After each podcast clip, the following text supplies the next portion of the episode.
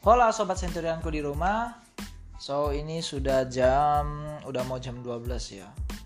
Oke, okay, sorry for the late night podcast. Jadi ini bakal jadi podcast pertama aku ya dan ini akan menjadi salah satu podcast yang bakal sering kalian dengar dan akan ya selalu aku buat gitu loh. So, podcast ini berdurasi 5 menit, jadi aku bakal pakai hashtag atau uh, bakal sebut podcast ini just 5 minutes. Uh, so, daripada lama-lama kita langsung aja ya. Jadi sesuai topik pembahasan kita hari ini itu kuliah sambil kerja berat gak sih?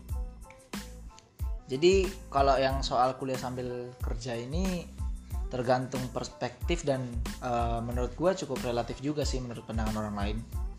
Soalnya gini gue pas kuliah tuh semester 1 sampai 8 ya tetap kerja juga gitu loh. Tapi kerjanya kan uh, macam-macam kerjaan itu macam-macam sih. Dalam artian tiga segmen lah. Yang pertama uh, full time. Kedua part time. Ketiga freelance. Nah kalau untuk zaman kuliah itu aku ngambilnya uh, freelance dan part time. Jadi aku jelasin di sini kapan enaknya ambil part time, di sini kapan juga enaknya kapan ambil freelance gitu loh.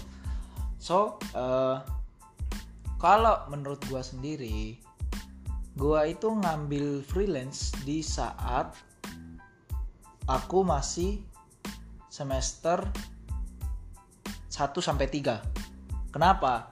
Karena semester 1 sampai 3 itu biasanya awal masuk nih ya, awal masuk. Biasanya dikerubungi sama tugas tuh. Gak enak banget tuh semester 1 sampai 3. Tugasnya banyak banget.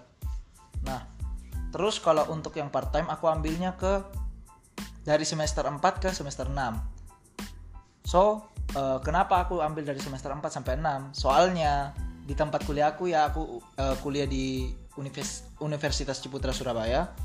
Uh, di tempat kuliahku itu semester 4 sampai 6 itu kurang gitu loh tugas-tugasnya. Lebih banyak uh, tugas yang langsung kerjain di kampus. Jadi banyaknya kita selesaiin di kampus. Jadi lebih banyak waktu luangnya lah. Nah, kalau untuk kerjaan freelanceku sendiri dulu itu zaman uh, pertama kali masuk kuliah itu aku kerja sebagai uh, penjaga photobooth ya. Ya lumayan lah fee-nya penjaga photobooth itu uh, tergantung tempatnya ya kalau di tempatku sekitar 150 sampai 250-an lah. Nah, uh, selain itu aku juga kerja sebagai penulis lepas ya. Penulis lepas juga itu lumayan CV-nya, tapi lebih kecil jauh dari photobooth sekitar 50 sampai 100 ribu. Nah, kalau untuk semester 4 sampai 6 itu aku part time-nya jadi guru les.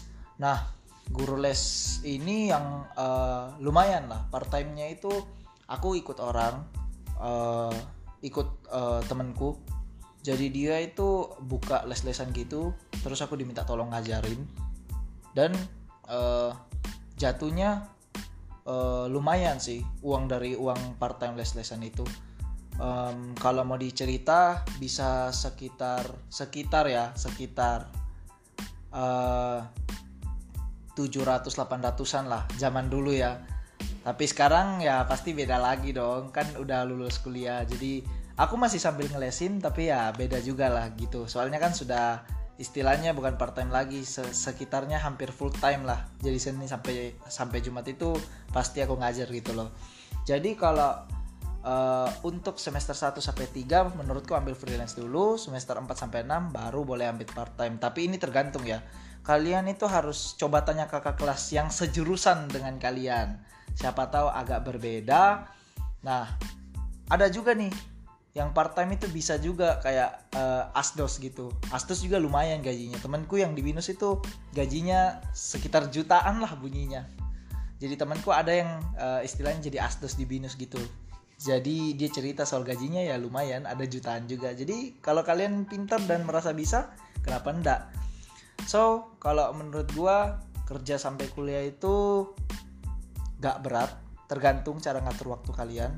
Dan uh, seberapa pintar kalian uh, mengerjakan kerjaan kalian dengan cepat. So thank you. Good night